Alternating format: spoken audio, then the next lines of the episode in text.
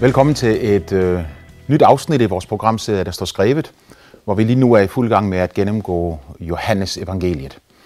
Johannes evangeliet er et fantastisk spændende evangelium, fordi det præsenterer øh, Jesus som Guds søn. Øh, Johannes han var den øh, sidste af apostlene, som stadigvæk levede, og i slutningen af det første århundrede satte han sig for at skrive en beretning om øh, de ting, som Jesus havde gjort.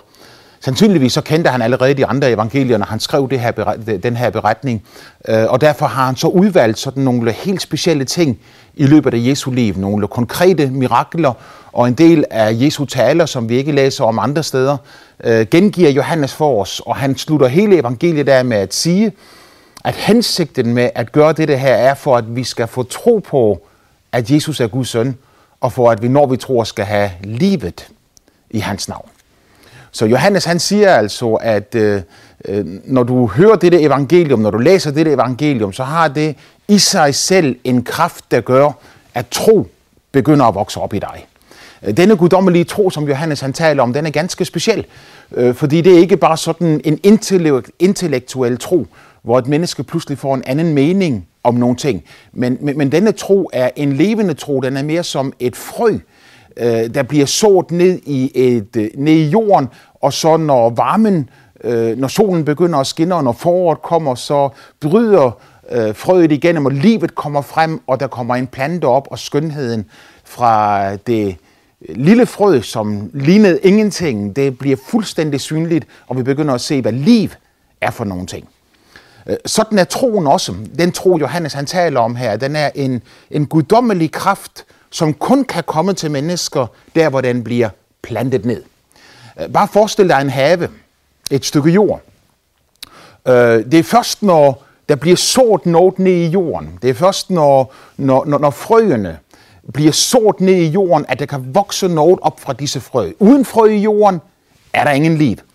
Øh, sådan er det at lytte til dette evangelium, og til skriften i det hele taget, men Johannes han siger jo utryggeligt, at det er derfor, han har skrevet evangeliet, at når du lytter til det evangelium, så kommer Gud simpelthen ved sin ånd, og så lægger han noget ind i dig, som gør, at du begynder pludselig at tænke anderledes, at føle anderledes, at se anderledes og at opleve anderledes.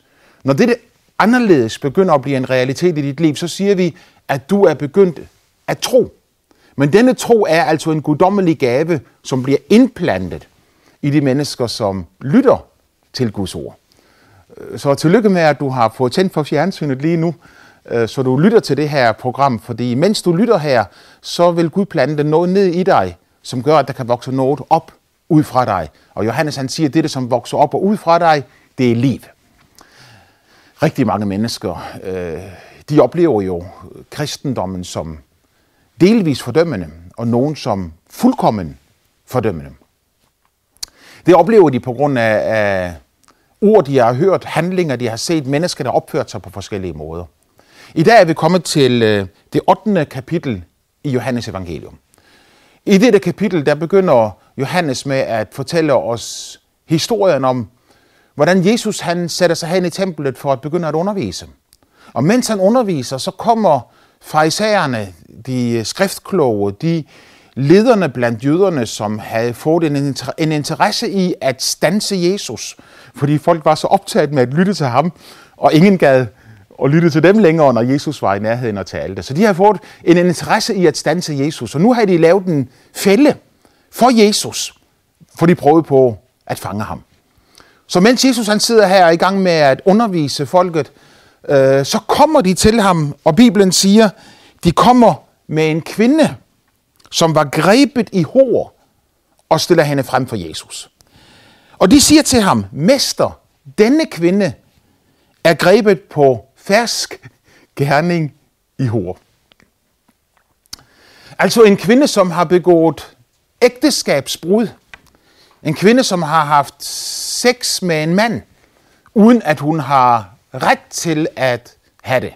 Men interessant er det jo, at de kommer med kvinden, og de siger til Jesus, at hun er grebet i fersk gerning i hår, så øh, må vi jo antage, og mere end antage, at hun var ikke alene, når det der skete. Der må have været en mand til stede også, men, men ham kommer de ikke med. Det kommer kun med kvinden. Allerede dette fortæller os jo, at øh, når farisæerne og de skriftkloge på den måde øh, fremstiller denne kvinde for Jesus, så, så har det ikke noget med kvinden at gøre. Det har heller ikke noget med deres retfærdighedssans at gøre. Det har ikke noget at gøre med en renhedsfølelse, men, men det er skjulte motiver, en skjult dagsorden her, som ganske enkelt går ud på, at disse mennesker, de vil lægge en fælde for Jesus og forsøge på at fange Jesus, så hans popularitet kan forsvinde, og de kan få lukket munden på ham. Det er egentlig ganske interessant, at man har lyst til at lukke munden på et menneske, som går rundt og gør godt. En, som helbreder syge, som gør mirakler, som taler ord, som øh, de siger, ingen andre har talt tidligere. Vi læste i kapitlet forud for det her, i det syvende kapitel, hvordan at øh, de samme ledere, de sender nogle øh, af deres tjenere afsted for at tage Jesus til fange, så de kan øh, bringe Jesus hen til lederne, og de kan begynde at udspørge ham. Men de kommer tilbage uden Jesus, og og, og lederne siger, bragte de ham ikke med? Nej, siger de så. Vi har aldrig hørt nogen tale, som denne mand, han taler. Så de gav vidnesbyrdet om, at Jesu ord var helt enestående. Og de forstod det ikke, og alligevel får oplevet de denne, denne kraft, denne virkelighed i det. Fordi Jesus ikke bare talte tomme og meningsløse ord, men han talte reelle og virkelige ord. Han talte altså ikke bare om en blank jord, men han talte om frøet, som blev plantet ned i jorden og begyndte at vokse op. Så de oplevede ting og sager, mens de hørte Jesus tale til sig. Så de lagde en fælde for ham. Fælden gik ud på dette. At Moses i loven har sagt, at hvis nogen bedriver hår, så skal de stenes. Så de siger til Jesus, det har, det har Moses jo befalet, at den slags kvinder skal stenes. Og så ser de på ham, og så siger de, hvad siger du? Og så ventede de. Og de havde allerede samtalt i forvejen, og, og de klappede hinanden på skulderen, og de var enige om, at nu har vi en fælde, som Jesus simpelthen ikke kan komme ud af. Han har kun to muligheder. Den ene mulighed er, at Jesus han siger, ja, jeg tror på hele skriften. Det gjorde han. Jeg tror på, at den er Guds inspireret, og det gjorde han. Derfor skal vi gøre noget agtigt, sådan som Moses sagde, så sten hende til døde. Og havde Jesus sagt det, øh, så ville han ikke længere kunne være 12 års og synders ven. Ville ingen, ingen menneske ville længere komme til ham, fordi de vil alle sammen opleve, hvis vi bare kommer i nærheden af ham, den rene og perfekte Jesus, så er vi færdige. Han tager os med det samme. På den anden side, hvis han ikke sagde det, hvis han sagde, nej, I skal ikke stene hende, I skal være søde og rare og venlige og, og, og, og bare ignorere, hvad Moses har sagt, og, og, og, og så være rigtig kærlige og gode ved hinanden, så ville de kunne anklage ham med rette for at bryde Guds bud, at lave sine egne regler, og ikke vise respekt for de ord, som Gud havde talt til dem igennem Moses. Så han ville altså være færdig, uanset hvad han valgte. Hvis han sagde, slå hende ihjel, ville han være færdig. Hvis han sagde, slå hende ikke ihjel, så ville han være færdig. Jesus han ser på disse folk, der har bragt hende hen til ham. Så bøjer han sig ned, står der, og så begynder han at skrive på jorden. Bibelforskere har igennem århundrede diskuteret, hvad det var, Jesus han skrev der på jorden. Og ingen ved, hvad han skrev, for Bibelen fortæller os ikke noget om det. Var det bare kruseduller, altså sådan en afledningsmanøvre, fordi han ikke ville se disse folk i øjnene? Eller var det, som nogle mennesker antager, at han begyndte at skrive ord på jorden? For da han havde begyndt at skrive, så, så står der i Bibelen, at, øh, at han løftede sit blik op, og så siger han til dem, den af jer, der er syndfri, lad ham være den første, der kaster en sten på ham, på hende. Den af jer, der er syndfri, lad ham være den første, der kaster en sten på hende. Så bøjede han sig ned igen, og så skrev han videre. Og Bibelen siger, at da de hørte de ord, han havde sagt, gik de bort den ene efter den anden, de ældste først. Og han blev alene tilbage med kvinden som stod der i midten. Så teorien går ud på det her, at hvad Jesus skrev på jorden var navnene på forskellige sønder. Ja. Og mens han skrev navnene på disse forskellige sønder, så ser disse mennesker ned på jorden. Og når den ene han ser ned på jorden, så ser han lige pludselig Jesus skrive den hemmelige synd, han har begået, som han tror ingen mennesker kender noget til. Og han føler sig afsløret. Så når Jesus siger, den af jer, der er syndfri, kast den første sten.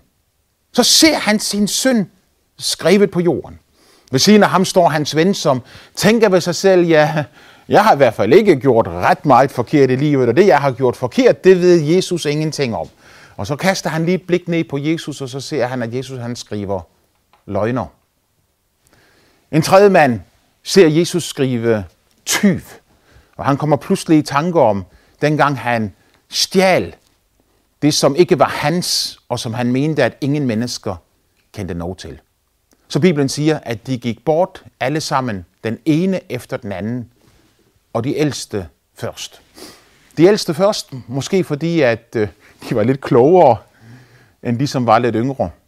Eller måske fordi de har levet et længere liv, og dermed sandsynligvis har haft mulighed for at begå flere synder end de andre, og de følte sig endnu mere overbevist. Men de gik bort alle sammen, og til sidst stod kun Jesus alene tilbage sammen med kvinden.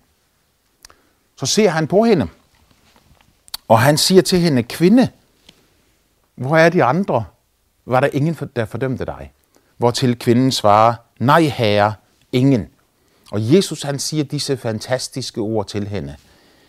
Jeg fordømmer dig heller ikke. Gå bort og synd ikke mere. Fantastiske, enestående ord, som Jesus han udtaler. Jeg fordømmer dig ikke, siger han. Det er vældig vigtigt at lægge mærke til dette her, at Jesus nægtede at fordømme kvinden, men samtidig så undskyldte han ikke den synd, hun havde begået. Han siger, gå bort og synd ikke mere. Han nægtede at fordømme kvinden, fordi Gud elsker mennesker. Gud er ikke vred på mennesket. Gud er ikke en ond Gud. Han er ikke ude efter os og prøver på at knalde os ind oven i nøden på grund af de forkerte ting, vi måtte have gjort på den ene eller den anden måde. Gud elsker mennesker ubetinget. Det kan ikke siges stærkt nok, det kan ikke siges kraftigt nok, at der findes ikke et menneske på denne jordklode, som ikke er elsket af Gud. Selv det værste menneske, du kan forestille sig, selv den største forbryder, du kan forestille sig, selv det menneske, som har begået øh, synder, overtrædelser og gjort ting og sager, som kunne få dig og mig til både at kaste op og vemmes øh, på det dybeste plan. Disse mennesker er elsket af Gud. Men det betyder, at jeg er elsket af Gud. Og det betyder, at du er elsket af Gud. Han elsker dig ubetinget. Han elsker dig som en far elsker sin søn. Han elsker dig som en mor elsker sit barn. Det er profeten Esajas, som siger til nationen Israel på et tidspunkt, hvor de øh, er forstødt, og hvor de, hvor, hvor de oplever, at, at Gud han er borte, så siger profeten Esajas til dem, glemmer vel en kvinde sit diende barn. Og så fortsatte han med at sige, jeg kunne hun glemme sit dine barn. Jeg glemmer ikke jer, Israel. Og det er jo ikke bare nationen Israel, men det, det er alle mennesker på hele jordkloden, uanset om man er født som hindu eller muslim, eller i et kristenland, eller hvor man nu er født henne. Gud elsker alle mennesker. Han gør det ubetinget, han gør det helt. Om en kvinde kunne glemme sit dine barn, så kan Gud ikke glemme os. Og faktisk fortsætter profeten med at sige, i mine hænder har jeg tegnet dig. Og, og vi kan jo godt se, at øh, her er et billede hen til øh, den oplevelse, som det som Jesus han oplevede, da han øh, langfredag blev korsfæstet, hvor der blev slået en navle igennem begge hans hænder, så hans hænder var navlet fast til korset dette navlemærke i hans hånd, som han efter sin opstandelse viste til sine disciple, da de tvivlede på, at det virkelig var ham, der var opstanden. Han sagde, se min hånd, og han viste dem navlemærkerne. Det er der, Gud har tegnet hvert eneste menneske ind i. I mine hænder har jeg tegnet dig, siger Gud. Og det betyder, at Gud han ikke bare elsker mennesket, han elsker mennesket ubetinget. Han elsker mennesket så højt, at han har betalt den højeste pris, man kan betale for mennesket, ved at lade Jesus Kristus blive navlet fast til korset, ved at lade sin egen søn dø for dine og mine overtrædelser og synder. Du er højt elsket af Gud.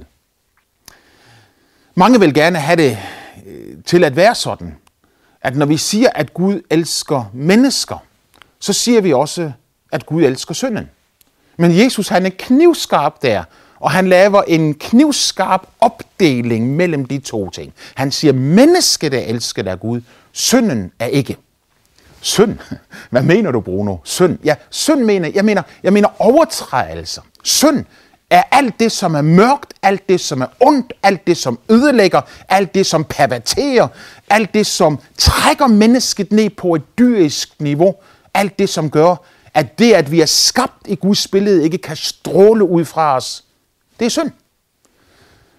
Bibelen siger, at synd er lovovertrædelse. Bibelen siger, at synd er det modsatte af kærlighed. Alt det, der ødelægger menneskets forhold til Gud og menneskets fællesskab med Gud, er synd.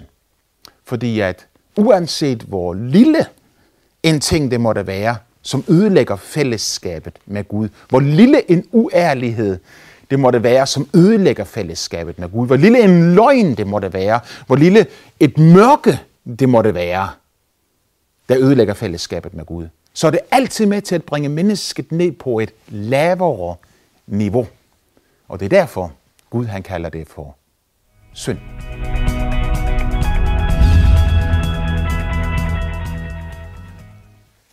Så når Jesus han taler til denne kvinde, så siger han, gå bort, jeg fordømmer dig ikke. Men så siger han også, synd ikke mere. Han undskylder ikke synden. Men han siger, at et hvert menneske har en mulighed for ikke at leve i kraften af synden, i kraften af de forkerte ting, de måtte have gjort i deres liv. Et hvert menneske har en mulighed for at få en ny begyndelse. Hvis du har fulgt med i disse programmer, så kan du huske, at vi i tidligere program, når vi gennemgik det tredje kapitel i Johannes evangelium, hvor der kommer en lovlærer til Jesus, der hedder Nikodemus, så siger han til Jesus, øh, vi ved, du er fra Gud, for ingen kan gøre de gerninger, du gør, uden at Gud er med ham. Hvortil Jesus svarer tilbage igen og siger til ham, Nikodemus, siger han så, ingen kan se Guds rige, ingen kan opleve Guds rige, ingen kan opleve Guds nærvær, ingen kan opleve Guds fred, glæde, kærlighed og retfærdighed, hvis han ikke bliver født på ny. Hvad Jesus tilbyder mennesker overalt og alle vegne, er en helt ny begyndelse. Det er lige meget, hvor du kommer fra. Det er lige meget, hvad din baggrund den er. Lige meget. Nej, jeg, jeg prøver ikke på at øh, ignorere, at nogen af jer, der lytter til mig, har haft et forfærdeligt liv.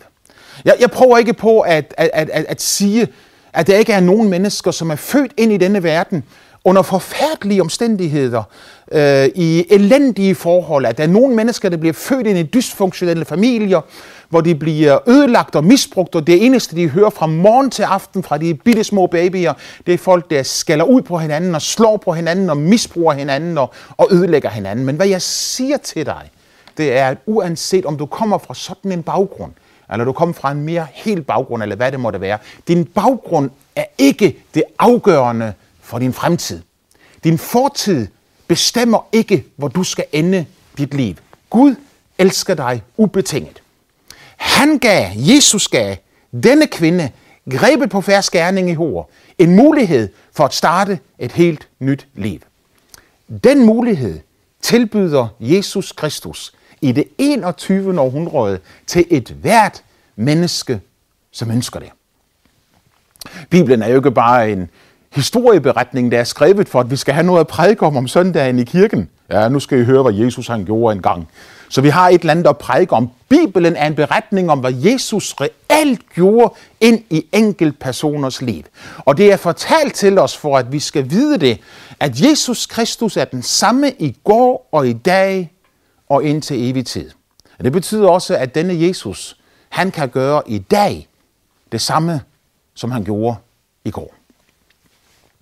Lige nu, når vi optager øh, dette program, så er påsken lige overstået. Og påsken den taler jo mere end noget andet om Jesu død, lidelse, men så sandelig også om hans opstandelse fra de døde. Og da jeg prædikede her i påsken, så sagde jeg det til, til min kirke, at der findes ingen andre end Jesus i verden, som har påstået, at de opstod fra de døde. Muhammed har aldrig påstået, at han opstod fra de døde. Buddha har ikke påstået, at han opstod fra de døde. Deres, der, deres krav var, var, var slet ikke på det niveau. Jesus er den eneste, som nogensinde har sagt, jeg er opstået. Øh, årsagen er i min verden vældig enkel, for hvis nogen ville påstå, at ham de tror på er opstået fra de døde, så ville jeg med det samme sige til dem, så præsenterer mig for ham så vil du sige til mig, ja, kan du ikke gøre det med Jesus, Bruno? Og svaret det er, jo, det kan jeg gøre. Øh, det er ikke så mange søndage siden, at vi talte om øh, Johannes evangelium, det 7. kapitel, hvor Jesus han siger, hvis nogen vil gøre hans vilje, som har sendt mig, skal han erfare, om lærerne er fra Gud, eller om jeg taler med eget. Jeg har en meget, meget barnlig tro på sandheden i Jesu ord. Jeg tror simpelthen, at Jesus han står bag sit ord. Jeg tror, at Jesus han backer sit eget ord op. Han er parat til at bevise i dag, at det, han sagde for 2000 år siden, stadigvæk gælder. Så når han siger, at han er opstået fra de døde, og hvis de mødte ham som den opstandende, hvis de talte med ham, rørte ved ham, spiste sammen med ham efter hans opstandelse fra de døde, og hvis de så ham far til himmels og hørte øh, røsten sige, at denne Jesus skal komme tilbage igen på samme måde, som han nu har forladt jer. Hvis alt dette er sandhed, så lever Jesus i dag. Det betyder, at netop du kan få et personligt møde med ham. Har du allerede oplevet det, så ved du, hvad jeg taler om. Øh, du ved, at jeg taler om en, en livsforvandling indefra og ud. Ikke noget nyt tøj, du tager på. Ikke en ny adfærd, du begynder at sige. Uh, ikke, ikke, en, ikke en ny adfærd, du begynder at leve i, hvor du begynder at sige, at, at ja, jeg skal gøre sådan her, jeg skal gøre sådan her, nu skal jeg, nu vil jeg godt leve som en kristen, så jeg prøver på at lyve lidt mindre, jeg prøver på at, at være lidt mindre uærlig, eller hvad det nu måtte være for en synd, som du lever i. At være kristen er at leve et helt nyt liv. Det er Gud, som sender sin ånd ind i vores hjerter. Og i vores hjerter begynder denne ånd at råbe ud, Abba far. Altså den begynder at fortælle, at vi har fået noget ind i os, som ikke var der før, som giver os kraft til at leve et helt nyt liv, til at få en helt ny begyndelse. Nikodemus får at vide, at det betyder at blive født på ny. Og når Jesus siger til denne kvinde, gå bort og synd ikke mere, så siger han til hende, fra i dag kan du få et helt nyt liv. Jeg går ud fra, at du kan se, hvor stor forskellen den er. De religiøse. Jo, det var jøderne der, men det, det, det kan lige så godt være kristne eller eller muslimer, eller hinduer, eller andre. Men, men, men de religiøse, de der, de der som har, har bud og regler i fokus, og, de var alle sammen gået bort. De, de, de havde ingen respekt for kvinden. Øh, de elskede ikke kvinden, de elskede deres lov deres regler, deres bud, men mennesket var bare et middel til et egentlige mål, som var deres regler og bud. Jesus er nøjagtigt omvendt.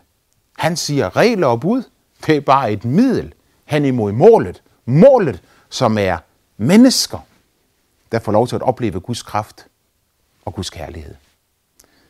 Det var jo ikke fordi, at Jesus han fornægtede, at Moses havde sagt, at den, der bliver grebet i hår, den, der bedriver hår, skal dø. Det benægtede Jesus ikke. Men han forstod, hvorfor Moses havde sagt det. Ikke fordi Gud ønskede at ødelægge noget menneske.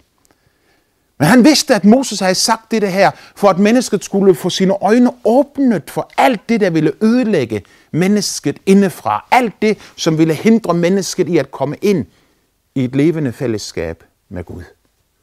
Så Jesus forstod, at loven var en tugtemester til ham selv.